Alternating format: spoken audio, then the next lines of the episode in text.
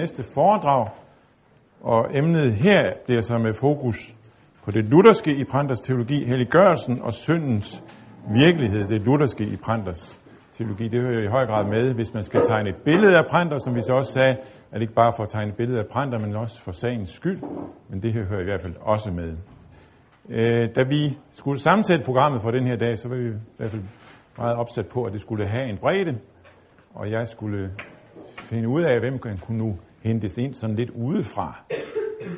Og der havde været der gået rygter om, at Jesper Bakker, han var altså god. Det var min bror Henrik, der havde været på et kursus nede på Løben Kloster og var begejstret for det, som de fik leveret dernede. Jeg kendte ikke Jesper Bakker for, at det er første dag, jeg ser ham nu. Øh, og Jesper Bakker var særdeles villig til at tage imod udfordringerne. Det er vi rigtig glade for. Det er med til at give øh, dagen den sammenhæng og helhed, som den skal have. Øh, jeg tror nok, jeg i mailen skrev noget om, at vi skal også have sådan en røst for en sådan mere tidværkssammenhæng, og der sagde du, at ja, men det er vist så som så med det. Det var jo ærgerligt nok, kan man sige. men, øh, men du er den, du er, og det glæder vi os over. Du øh, blev præst, jeg bare blev præst i 99, var det ikke sådan? Præst nede ved Rødby på Donald Falster har undervist øh, for eksempel på Lykken Kloster og også på Københavns Universitet som assistent der. Har jeg læst mig til. Så øh, rigtig hjertelig velkommen, velkommen skal du være. Jeg glæder os meget over, at du er her. Og nu får du ordet. Kan jeg høre os? Ja, jeg skulle nedgå sådan, som taleren, der spurgte forsamlingen. Kan I alle sammen høre mig, så sagde en mand på første række. Det kan jeg godt, men jeg vil gerne bytte plads med en, der ikke kan. Så jeg fanger en. I omtalen af denne postume fødselsdagsfejring på nettet kan man læse, som jo Asger Højlund også allerede har gjort opmærksom på, at nærværende fakultet har bedt teologer med en anden baggrund end netop menighedsfakultetet om at bidrage til denne dag, for på denne måde at demonstrere rækkevidden af printers teologiske virkningshistorie. Blandt disse må jeg henregnes, selvom at det med tidværv, det nu er fortid, ikke en uinteressant fortid, men dog fortid. Og jeg takker for invitationen og opfordringen til gennemtænkning og mulighed for drøftelse af et særdeles vigtigt teologisk emne. Jeg må nok indrømme, at min berøring med dette fakultet har til trods for min årlange gang på, jeg vil ikke sige det konkurrerende, så det supplerende fakultet, været, været yderst sporadisk, og faktisk har det indskrænket sig til et enkelt besøg, om ikke erindringen spiller mig et pus, for at erhverve Bauers kendte og uundværlige ordbog ud i nytestamentlig græsk til favorabel pris. Således er jeg ikke uden taknemmelighedsgæld, i hvert fald af pekuniær art til fakultetet. Når det er sagt og vedgået, erkender jeg gladelig en betragtelig grad af teologisk slægtskab med den linje, som lægges her, og jeg har det som Kai Munk, jeg er apropos præst i det lollandske Kai Munk hjerteland, som erklærede, at der virkelig var otte øh, kvart missionsfolk skønsmæssigt anslået i Vedersø Sogn, og bemærkede så i parentes, hvor er jeg tegner mig personligt for den ene kvart. Men tilbage, eller måske snarere frem til årets og månedens, om ikke dagens runde fødselar. Jeg fik kaldt denne begivenhed en fødselsdagsfejring. Men det udsagn må nuanceres, for man fejrer ikke en teologisk lærer retteligt ved blot at hylde ham, men ved at forfølge hans sag, lade sig udfordre og bevæge til selvstudier. Einen denker ert man durchdenken, som Eberhard Jøngel har sagt det i forbindelse med netop Karl Barth, som forprinter og uenigheder til trods var den største lærer. Denne erkendelse præger også denne dag. Ikke at jeg selv præsenterer at kunne levere noget nyt eller usagt på det område, som er blevet mig tildelt, men måske har mit livtag med stoffet kastet noget af sig, som er værd at lægge øre til.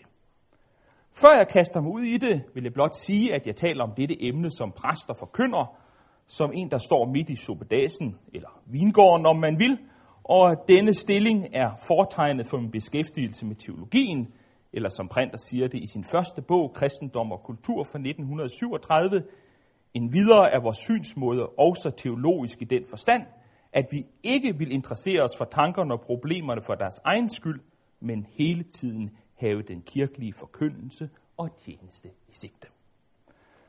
Og jeg kan så i den advare eller berolige forsamling med, at øh, der er et par afsnit, og så kan man jo så notere sig, som det går frem, måske med lettelse.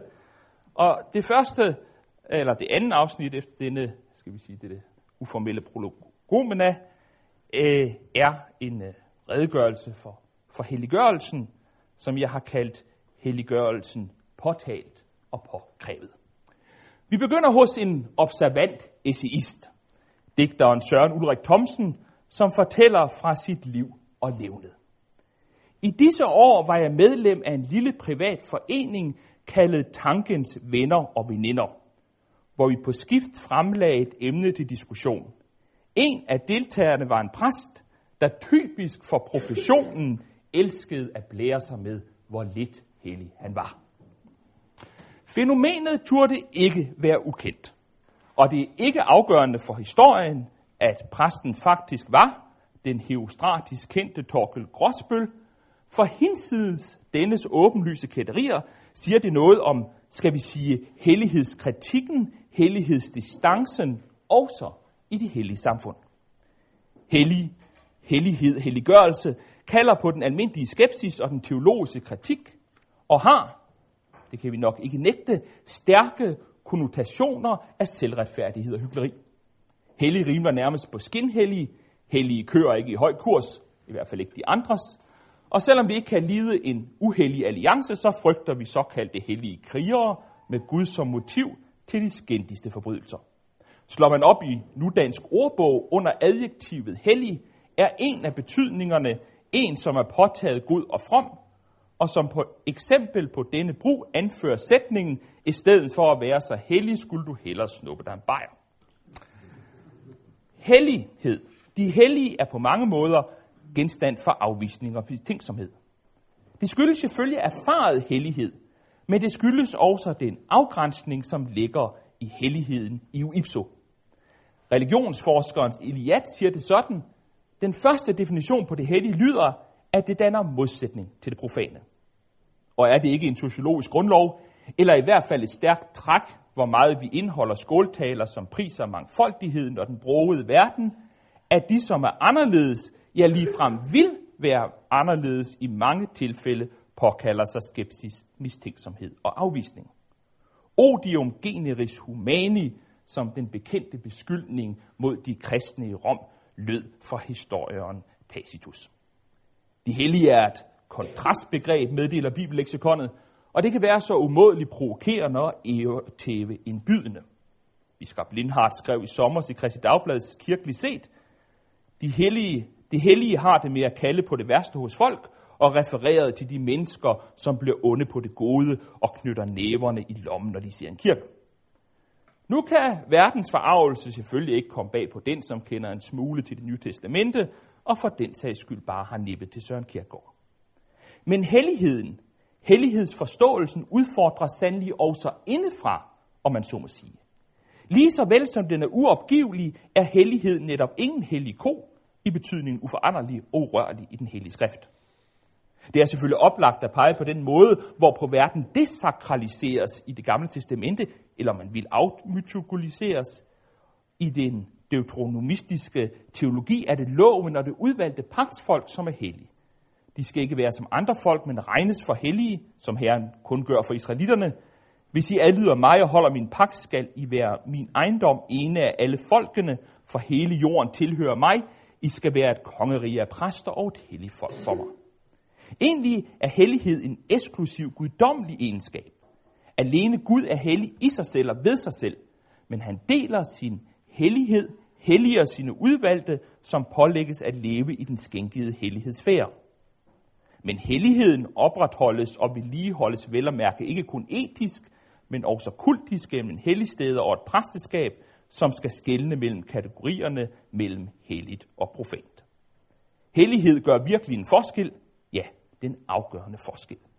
Der er tale om en afgrænsning, men samtidig kritiseres denne afgrænsning, hvis den begrænses til det kultiske og rituelle. Hellighed forfalskes, hvis den reduceres til hellig liturgi, og det hellige liv træder i baggrunden eller skubbes til side. Hvad skal jeg med jeres slagtoffre, spørger herren folket hos Esajas, når deres hænder er fulde af blod og uretten florerer i landet. Hellighed er på en gang skænket og fordret. Hellighed trækker skæld. Hellighed viser, at verden netop ikke er hellig, men kræver helligelse. Hellighed er verdens kritik, rummer et eminent kulturkritisk potentiale af rang, men hellighed, hvis der ellers er noget ved den, maner også til selvkritik. I det nye testamente kan man kortfattet sige, at det hellige, en kasu, den hellige, som ellers afgrænser sig, bliver radikalt grænseoverskridende. Kategorierne, som ellers skulle holdes adskilt, altså mellem hellig og profan, overskrides. Guds hellige Jesus Kristus sætter sig på spektakulær vis ud over grænsen mellem rent og urent, den gældende lovfortolkningsgrænser, sociale og moralske grænser. Ben Flemming Nielsen har peget på to polære hellighedsbegreber i såvel GT som NT, som han benævner som henholdsvis forsikringen om ens givende sted og at overskride grænser og blive frigjort. Ifølge det første hellighedsbegreb er dette at være hellig at opretholde en given orden religiøst, kropsligt og socialt. At skille skidt fra hellig kanel, om man så må sige, og for egen regning. Det andet hellighedsbegreb, eller skulle man snarere sige hellighedsbevægelse, sætter sig ud over den givende orden. Det er ikke opretholdende, men rystende for den gamle orden. Det hellige skal ikke gives til hundene, men uddeles alligevel med rund hånd til syndere.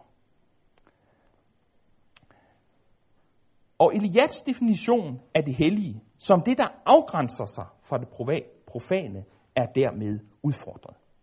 Men helligheden ophæves ikke i Nytestamentet.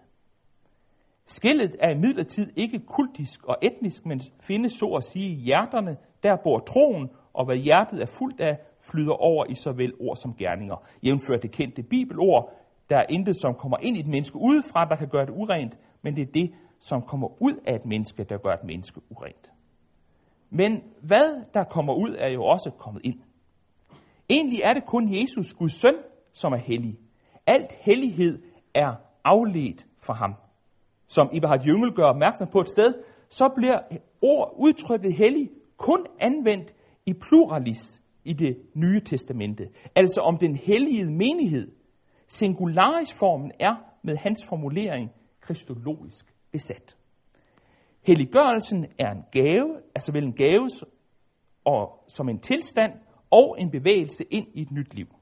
Helliggørelsen etiseres, eller som Leif Andersen udtrykte, meningen med helliggørelsen er kærliggørelsen. Hellig er ordet, såvel kyrigmatisk som sakramentalt, og livet i ordet. Ordet helligere og helligere til et nyt liv.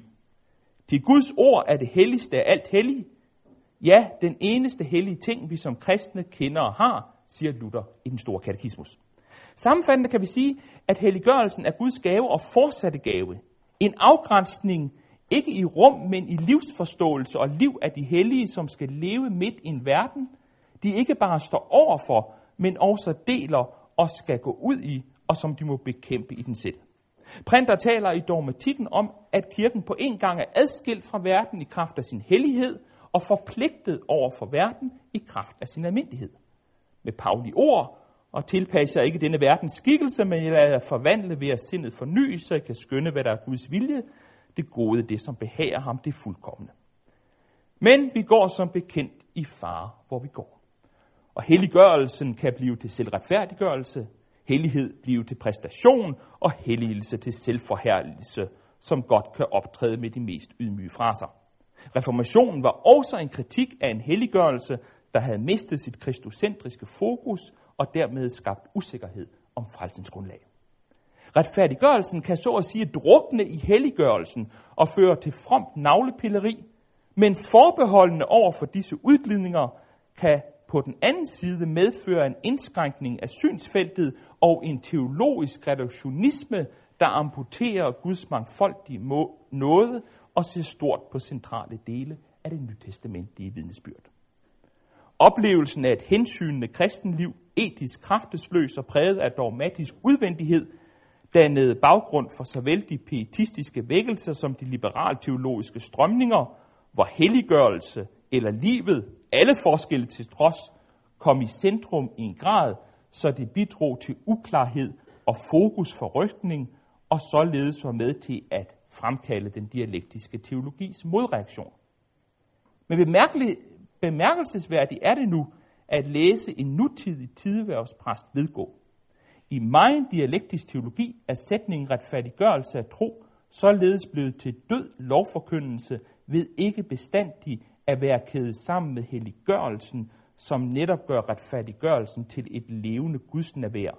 Det er ikke tilfældigt, at meget teolektisk, dialektisk teologi til forveksling ligner en heroisk stoicisme, der roser sig af sin glasklare kul. Citat slut. Med den understregning, og det skal understreges ganske kraftigt, at meget, dialektiske, at meget dialektisk teologi langt fra alt. Karl Barth havde bestemt et og andet at sige om helliggørelsen, men kunne også i sin etik pege på, at fremgang i helliggørelse er som niveauforskelle på jorden set fra solen. Og det er jo godt at have for øje. Helliggørelsen er et teologi- og kirkehistorisk konfliktpunkt. Det er ikke til at komme udenom, hvis man ellers vil drive forsvarlig teologi, men altså også til i den grad at gå fejl i byen af. Måske er det især et Luthers smertensbarn, som man hellere taler for lidt end for meget om. I 1947 offentliggjorde Regan Printer for første gang en mindre afhandling om netop helliggørelsen, som jeg senere så kom tilbage til, hvor han erkender, det var dog i 47, at ordet helliggørelse ikke er særlig fremtrædende i nutidig forkyndelse, og skriver videre, at det hænger vel sammen med ordets historiske belastning. I 2006, mere end et halvt århundrede efter, erkender Leif Andersen i sin homiletik teksten af tiden, at det i dag falder os så svært at forkynde evangeliet om helligelsen. Men helliggørelsen er og har trods alt ikke været glemt eller ganske hengemt i vores konfession, hvilken jo også er umulig, så længe ånden virker trin på jord med livets ord, for nu at sige det på grundvisk. To af Lutherdommens største interne kritikere, Søren Kierkegaard og Dietrich Bonhoeffer, har dog i hver deres århundrede kaldt til ny besindelse på kristenlivet, på efterfølgelse eller helliggørelse, som man vil. I 1998 udgav Kritisk Forum for Praktisk Teologi et temanummer om helliggørelsen, hvor redaktørerne, jævnfør overnævnte, skriver i forordet, at helliggørelsen sjældent artikuleres i dansk teologi, måske grunder tavsheden sig i den lutherske kirkes agtpågivenhed og mistænksomhed over for enhver antydning af gerningsretfærdighed, men samtidig nævnes også en gryende forståelse for det nødvendige og rigtige i, at troen må tilegnes og at den religiøs praksis udøves. Denne forståelse og tendens er ikke blevet mindre siden, og meget går under den brogede og ugennemskuelige overskrift spiritualitet. Men året før kunne Anders Klostergaard og Bo Christian Holm i Dansk Teologisk Tidsskrift spørge, om helliggørelsen simpelthen ikke er et soteriologisk og eklesiologisk deficit i den evangelisk-lutherske tradition, som ikke, som ikke kommer til sin ikke mindst paulinske ret i vores teologiske og kirkelige sammenhæng. Så meget for en selvfølgelig ganske ufuldstændig sammenfatning af helliggørelsen, bibelsk som receptionshistorisk, og nu til printer, og selvfølgelig i baggrund Luther og behandlingen af helliggørelsen midt i syndens kun alt for på og indtrængende virkelighed. Vore antinomer ser ikke, at de prædiker Kristus uden eller imod Helligånden, fordi de vil lade folk forblive i deres gamle væsen og alligevel erklære dem salige. Når konsekvensen dog må være, at en kristen skal have Helligånden og føre et nyt liv, eller vide, at han ingen Kristus har. Orden er fra Luthers skrift om koncilierne og kirken, hvor han, som det fremgår, polemiserer mod antinomerne. De er dygtige påskeprædikanter, men elendige pinseprædikanter, for de ved intet om hellig åndens helliggørelse, men prædiker alene Kristi forløsning. Dermed, derved gør de sig ifølge Luther skyldige i en graverende inkonsekvens. De indrømmer antecedens, altså forudsætningen Jesu forløsende korsdød, men benægter konsekvens, altså konsekvensen, det nye liv ved Helligånden. Kristus har vundet forløsning for synd og død, netop for, at Helligånden skal gøres til nye mennesker ud af den gamle Adam. Hos Printer finder man også en reference til dette Luthersted i den før omtalte afhandling med titlen Helliggørelsen i evangelisk forståelse. Printer erkender som allerede nævnt ordets historiske belastning, som han mener ikke mindst skyldes vækkelsens måde at tale om helliggørelse på. Men samtidig insisterer han på, at ordet er bibelsk og har ægte hjemret i evangelisk forkyndelse. Det har været en overordentlig gavnlig sanering. Det har været en overordentlig gavnlig san- og hårdt tiltrængt sanering af forkyndelsen, at såvel barn som den svenske Lutherrenaissance koncentrerede sig om det objektive i kristendommen. Men under alt dette er man kommet farlig nær den antinomisme, som Luther bekæmpede. Ja, Printer påstår, at kun en ny stærk forkyndelse af helliggørelsen kan bevare ægte evangelisk kristendom i vores nuværende situation. Det var altså i 1947, og fik vi så det, kunne man spørge, men det er en anden historie. Printer går over til at fremhæve forskellige afgørende træk ved sand evangelisk forkyndelse af helliggørelsen. For det første er helliggørelsen kristi gerning, ikke vor gerning. Helliggørelsen er noget, som vederfares os. Et menneske kan ikke gøre sig selv helligt. Det eneste, et menneske kan blive ved, sig, ved det, det selv gør, er syndig vanhellig. Og som programmatisk for sin helliggørelsesforståelse understreger printer, dette som her, dette som her er sagt, at al helliggørelsesforståelses, undskyld, dette som her er sagt, at alt helliggørelsesforkyndelse må føre til Kristus og forkynder helliggørelsen som Guds og ikke vor egen gerning, er al helliggørelsesforkyndelses ABC. For det andet må helliggørelsen forkyndes som et evangelium, ikke som et lov. Forkyndelsen af Guds fordring gør ingen hellig. For det tredje er helliggørelsens indhold Kristus. Helliggørelsen skal ikke forstås idealistisk. Der er ikke tale om moralsk religiøs forbedring med den levende Kristus, eller hvad udsiger det samme Helligånden. Printer tilslutter sig Otto Møllers ord om, at den kristne vækst, eller den kristne vækst i modsætning til andet vækst, er vækst nedad. Helliggørelsen betyder ikke, at syndsbevidstheden bliver mindre og mindre, men tværtimod større. Desto mere syndsbevidsthed, desto større Kristus hengivelse. For det fjerde og sidste er helliggørelsens form øh, bod og håb. Helliggørelsen er det gamle menneskes korsfæstelse, og det kors, som lægges på os, er hverdagslivets håndgribelige jordiske besværligheder, og netop i dette liv finder det nye menneskes opstandelse sted. Det er troen, håbet og kærligheden, hvor vi, vi tager det almindelige jordiske liv af Guds hånd. Altså for lige at repetere, fordi her er vi virkelig inde ved kernepunktet øhm, af, af, af printers helliggørelsesforståelse. Helliggørelsen er Kristi gerning, øh, ikke hvor. Helliggørelsen må forkyndes som evangelium. Helliggørelsens, øhm, skal jeg se her, øhm, helliggørelsens indhold og Kristus, og helliggørelsens form er bod og håb.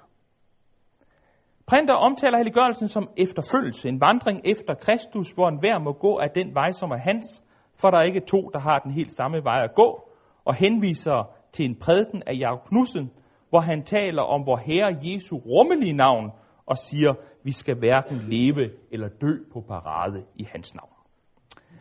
Jeg har refereret afhandlingen forholdsvis udførligt, fordi der som sagt her er tale om et meget klart og tydeligt udtryk for printers forståelse af helliggørelsen.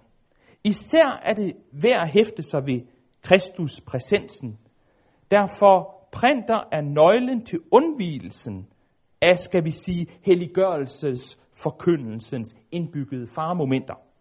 Altså, hvordan tale om helliggørelse, om det nye liv, uden at forfalde til legalisme og antropocentrisme? Hvordan udtrykke helliggørelsen, uden at gerningsretfærdighed og moralisme kommer ind af bagdøren? Uden at etisere og psykologisere i en grad, så Kristus bliver mindre og jeg større? Svaret er Kristus, eller med printers egne ord, syndernes forladelse og helliggørelsen er ikke to ting. Begge dele er nemlig den levende Kristus boende i vort mørke. Helliggørelsen er ikke min enmægtige stræben, ikke kristelig selvudvikling, ikke sådan at måle og veje og tage og føle på, men dette, at Kristus har taget bolig i mig og kræver sin ret og gør sin gerning. Det er ikke min dårlige halvdel mod min bedre halvdel, men den levende Kristus, som er i færd med at kvæle det nye menneske og oprejse et nyt. Det er yderligere udfoldet i doktordisputasen, den nok så bekendte Spiritus Creator fra 1944. Her retter Printer blandt andet sin kritik mod den såkaldte Luther-renaissance, repræsenteret af teologerne Karl Holl og Reinhold Seberg. I Printers referat af deres Luther-tolkning taler de nær, nemlig om en gradvis real gerekt machung, altså ikke bare en retfærdighedserklæring, men netop om en retfærdiggørelse, forstået som en reel forandring, som indholdet af Luthers retfærdiggørelseslære, og identificerer således helliggørelsens fremadskriden med real fremadskridende gerekt machung. Hos Luther foretages denne identifikation imidlertid ikke ifølge printer. Der kan ikke uden videre sættes lighedstegn mellem den reale fromhedstiltagen og helliggørelsens fremskridt. Fromheden kan således i hvert øjeblik være enten åndens eller kødets frugter. Sagt på en anden måde, om frugterne er tro, er ikke sådan at afgøre, derfor må man se hen til vintræet, eller som Printer selv skriver om Luthers opfattelse af helliggørelsens fremskridt. Han tænker dermed på, at mennesket på vejen mellem dåben og opstandelsen stadig på ny og på ny går bort fra sig selv og tyr hen til Kristi fremmede retfærdighed med det kendte Luther-diktum profisere hoc est simper an novo incipera. Det er Kristus, som forlader synden og fører kamp mod kødet. Han, og nu citerer jeg, altså Kristus er det, som i levende og kæmpende nærvær overværer synden. Det er ikke noget af det, hans nærvær har fået til at spire frem i os. Og et andet sted hedder det om helliggørelsen, at den ikke er konstaterbar for en selv og andre, men at den er skjult med Kristus i Gud. I forbindelse med redegørelsen for helliggørelsen henviser printer til det hos Luther hyppigt forekommende billede af den kristne, som har modtaget Kristus og syndernes forladelse, men stadig er i kødet og verden som en rekonvalsent, der på en gang er syg og rask.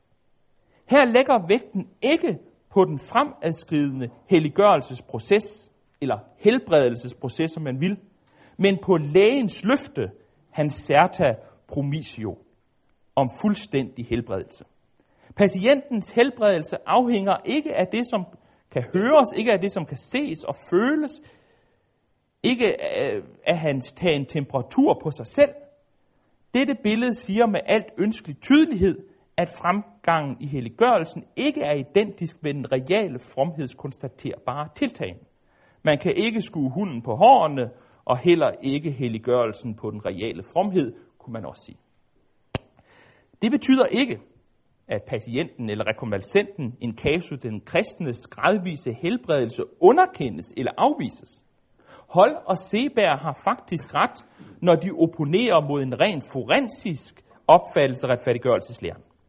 Printer vedgår således, at Hold og Seberg har ret i deres fremhævelse af, at retfærdiggørelse og helliggørelse, eller som Luther ofte selv udtrykker det, syndens ikke-tilregnelse og syndens uddrivelse hos Luther på en helt anden måde er vævet ind i hinanden end den Melanchtons farvede forensiske retfærdiggørelseslære lader ane. Synderen antages aldrig af Gud, uden samtidig i og med antagelsen at blive brugt som Guds redskab. Men det er ikke en helliggørelsesproces, som gradvist skal gøre os gode nok til Gud. Printer skriver, ti at blive frelst er i evangelisk forstand ikke, som lovfromheden vil have det, at blive bedre og bedre og bedre, og til sidst god nok til Gud selv, men det er straks og helt at komme inden for den sfære, hvor Gud i Kristus modtager og virker med de uværdige.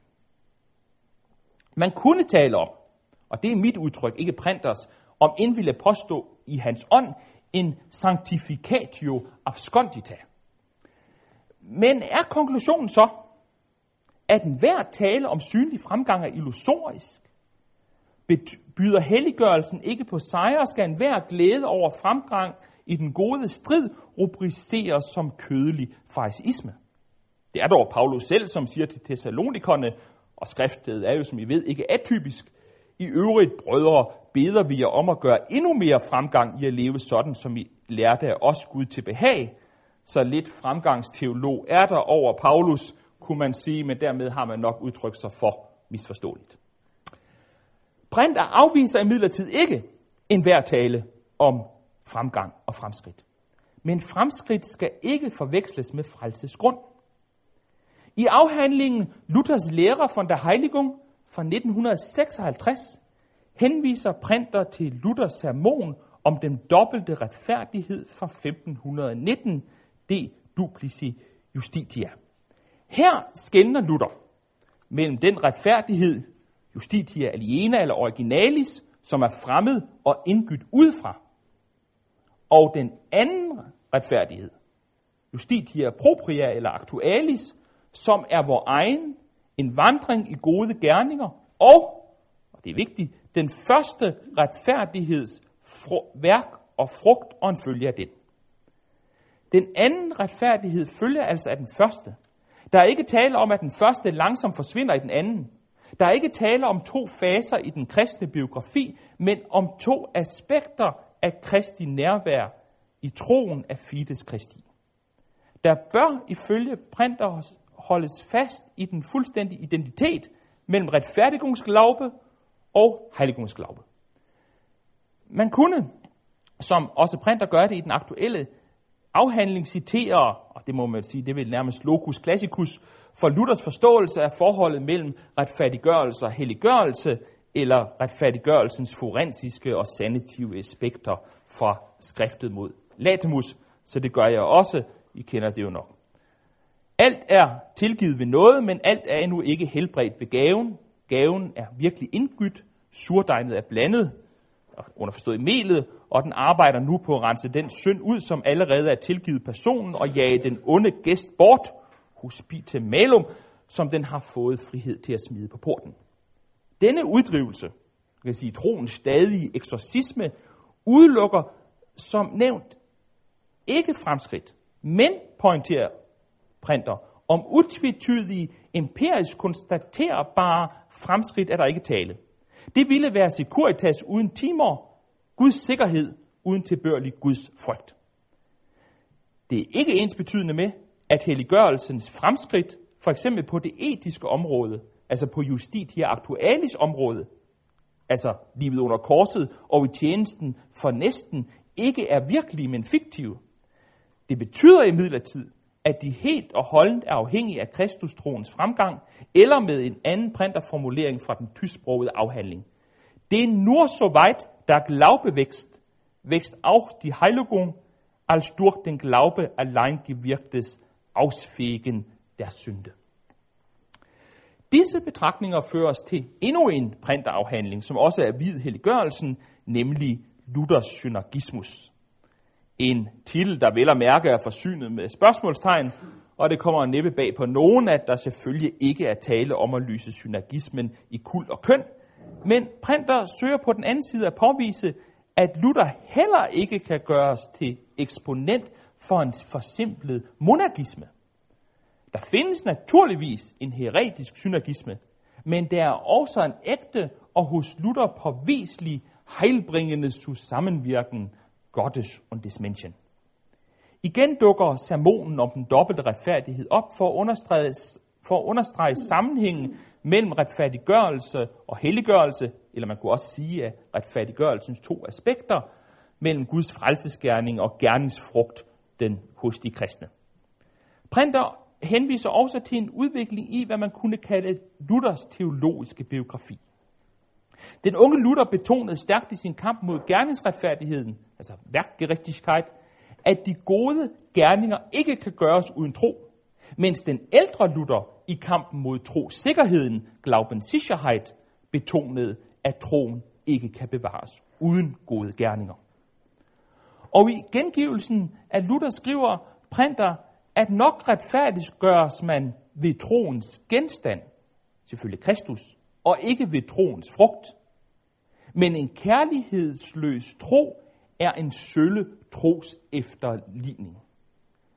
Deshalb ist es gerecht, wenn ein Christ, der keine Liebe geübt hat, verdammt wird. Denn das Fehlen der Liebe zeigt, dass ein, sein Glaube kein lebendiger Glauben, Glaube gewesen ist, sondern ein tode imitation. Det afspejles også i Printers fortolkning, eller tolkning af verdensdommen, menneskesyndens adskillelse af for og bukke, som fremstillet i Matthæus evangeliets 25. kapitel. Gerningerne er netop at regne for tros ytringer, med hans egne ord fra skabelse og genløsning. Når indtil til trods for denne forståelse af de gode gerninger som troens frugt, ikke taler om en dom efter tro, men netop om en dom efter gerningerne, efter gerninger, er det fordi gerningerne er det, som åbenbarer troen. Men det skal ikke føre til ny jagen efter spektakulære gerninger, som kan tjene til egen beroligelse og omgivelsernes beundring. Printer skriver andet sted. I alle disse små oversete, foragtede hverdagsgerninger går det frie kristne menneske rundt, i det han øver dem uden at interessere sig for, om de skulle blive husket eller glemt. Selv har han ikke brug for at huske dem, fordi det han vil huske på dommens dag er Kristus.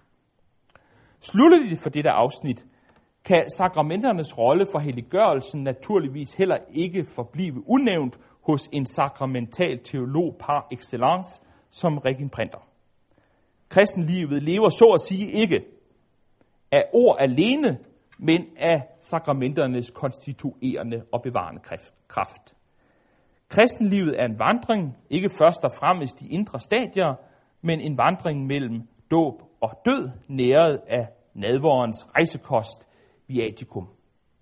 der skriver, og det er jo et klassisk meget kendt citat, Ordu salutis som fornyelsens frelsesvej er ikke en i psykologisk påviselige stadier forløbende religiøs udviklingsgang, men den retfærdiggjorte synder sakramentalt øh, ordnede livsløb under troens kamp mod synden Simul Justus et bekatter, på vejen mellem dåben og døden. Frelsesorden er sakramental. Det er ikke nådes oplevelsen, som er i centrum. Det er noget midlet. Troen lever af det ydre, uden bare at være noget ydre. Printer skriver i Sakramental Livssyn fra 1941, altså under besættelsen, øh, følgende. Moderne kristendom har, var, har været meget psykologisk. Det kender vi jo også i dag.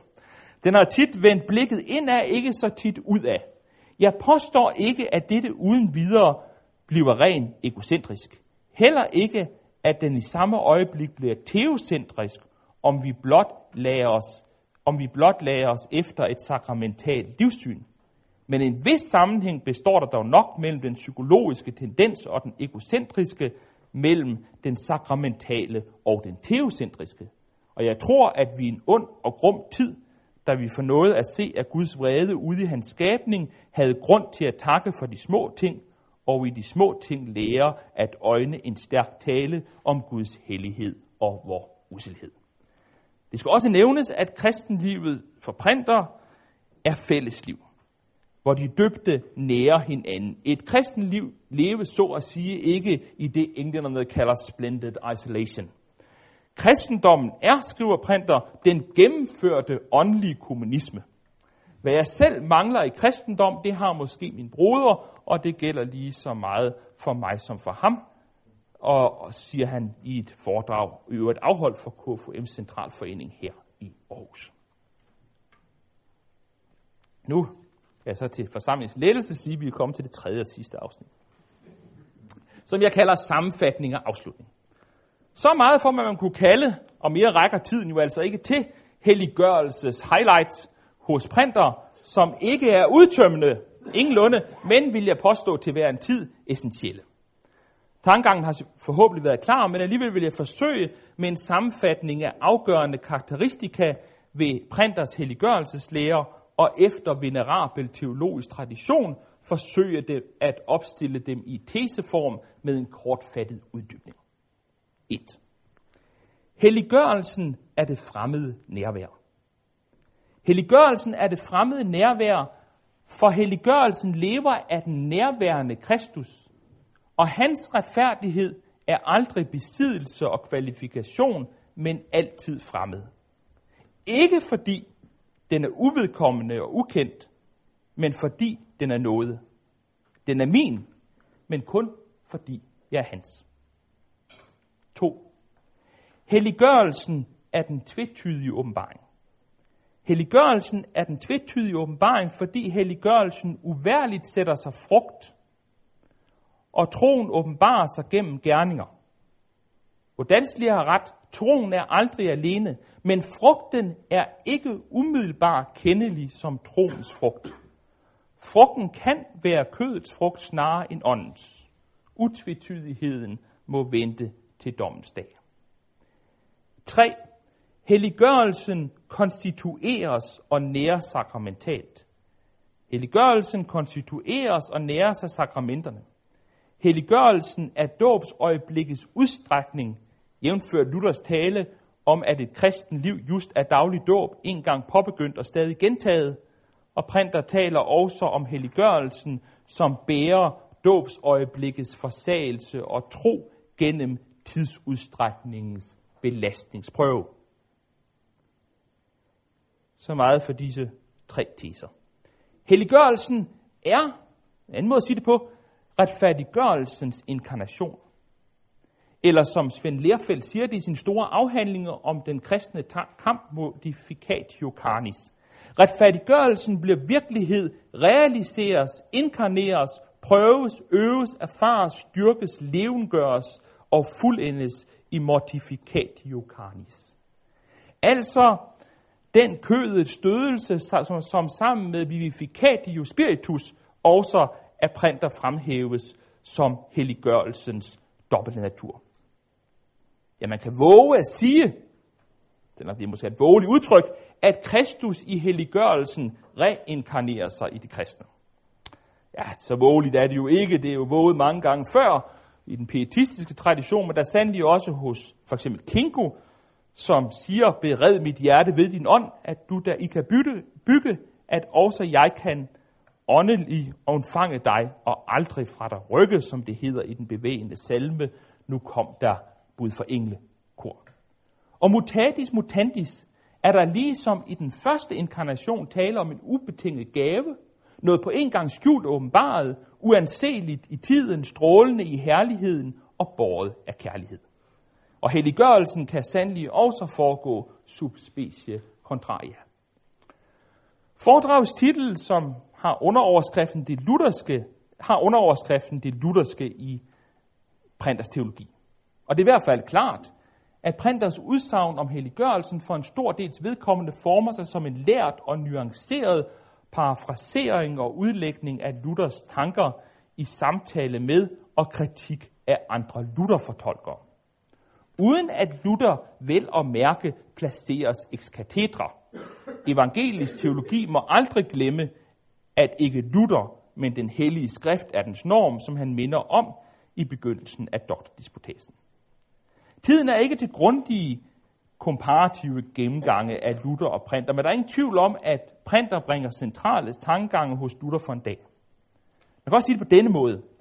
I kølvandet på Luther sejler Printers helliggørelsesforståelse mellem abstraktionens skylder, det vil sige den Melanchtons farvede, rent forensiske retfærdiggørelseslære, og psykologiseringens og etiseringens karyptis, det vil sige Holz og Sebergs Luther-fortolkning og den pietistiske grundindstilling, de repræsenterer i printers optik. Kalkerdunensisk og Luthers kunne man sige, øhm, øh, kalkedonensisk og Luthers kunne man sige, at retfærdiggørelse og helliggørelse, den første og den anden retfærdighed i Luthers sermon, hos printer skal forstås uden sammenblanding og uden adskillelse, en sammenligning, der også byder sig til, fordi retfærdiggørelsen og helliggørelsen simpelthen er dele af Kristi levende nærvær. Helliggørelsen er ikke en verdensfjern fortælelse, men en kamp og tjeneste, som skal øves i verden, midt i den broede verden, som Gud er kommet til, og hvor han gør vismænd af vandkundige små, hvor kristne sejrer og falder, som William Beck engang bemærkede, det står i børnelærdommen, at den gamle Adam skal druknes i daglig anger og bod, men jeg har gjort den erfaring, at han kan svømme det asen. Helliggørelsen er inkarnatorisk, ikke mindst i sin værslighed, som vel at mærke ikke er lig med en kritikløs overtagelse af verdens normer, som glemmer, at verden ligger i det onde. Printer har kritisk ord til års for såvel en verdens fagnende sekularisme, som en verdens forsagende petisme. Sekularisme er kristen frimodighed uden syndsbevidsthed. Pietisme er syndsbevidsthed uden kristelig frimodighed, skriver han. Gud har sandt for de små og det små, og dagliglivet får en ny tyngde, fordi det netop er kærlighedens valgplads, hvor korset skal bæres og håbes bevares. Printer kritiserer skilsmissen mellem troen og hverdagslivet. Det åndelige og det jordiske, det religiøse og det værtslige, og skriver et sted, det betyder jo, at vi har overladt, at vi har ladet hele menneskelivet glide os af hende. Vi har overladt det til dæmonerne. I en dagbladskronik, et omarbejdet foredrag fra Indre Missions årsmøde om, Kristi, om kristen forkyndelse og dagligliv, slår krist, øh, printer til lyd for en menneskelig kristendom og en kristelig menneskelighed. Eller, for man må også kunne kalde, et kalkodonensisk kristenliv. Han afviser, hvad han kalder egoistisk frelseshunger, som lader det menneskelige i videste forstand fare som noget værsligt, og slutter, og sådan vil også jeg slutte i dag. Hvad er menneskelig kristendom? Det er en kristendom, der for modtagelsen af nådens gaver og midler i Jesus Kristus fører os ud til de mennesker, han elsker. Har vi kunne nævne nogen, han ikke elskede, og derude skinker han vort liv bort til den. Det er det, som Grundtvig skriver i salmen, nåden vil høste, hvad den sår, vil ikke nøjes med mindre. En kristen menneskelighed er et menneskeliv levet i anerkendelsen af, at Jesus er sand Gud. En menneskelig kristendom er det samme menneskeliv levet i anerkendelsen af, at han er sand menneske i en person, sådan at livet i ham er et i troens tilbedelse og i kærlighedens tjeneste med alt, hvad de vældige ord, tro, håb og kærlighed rummer.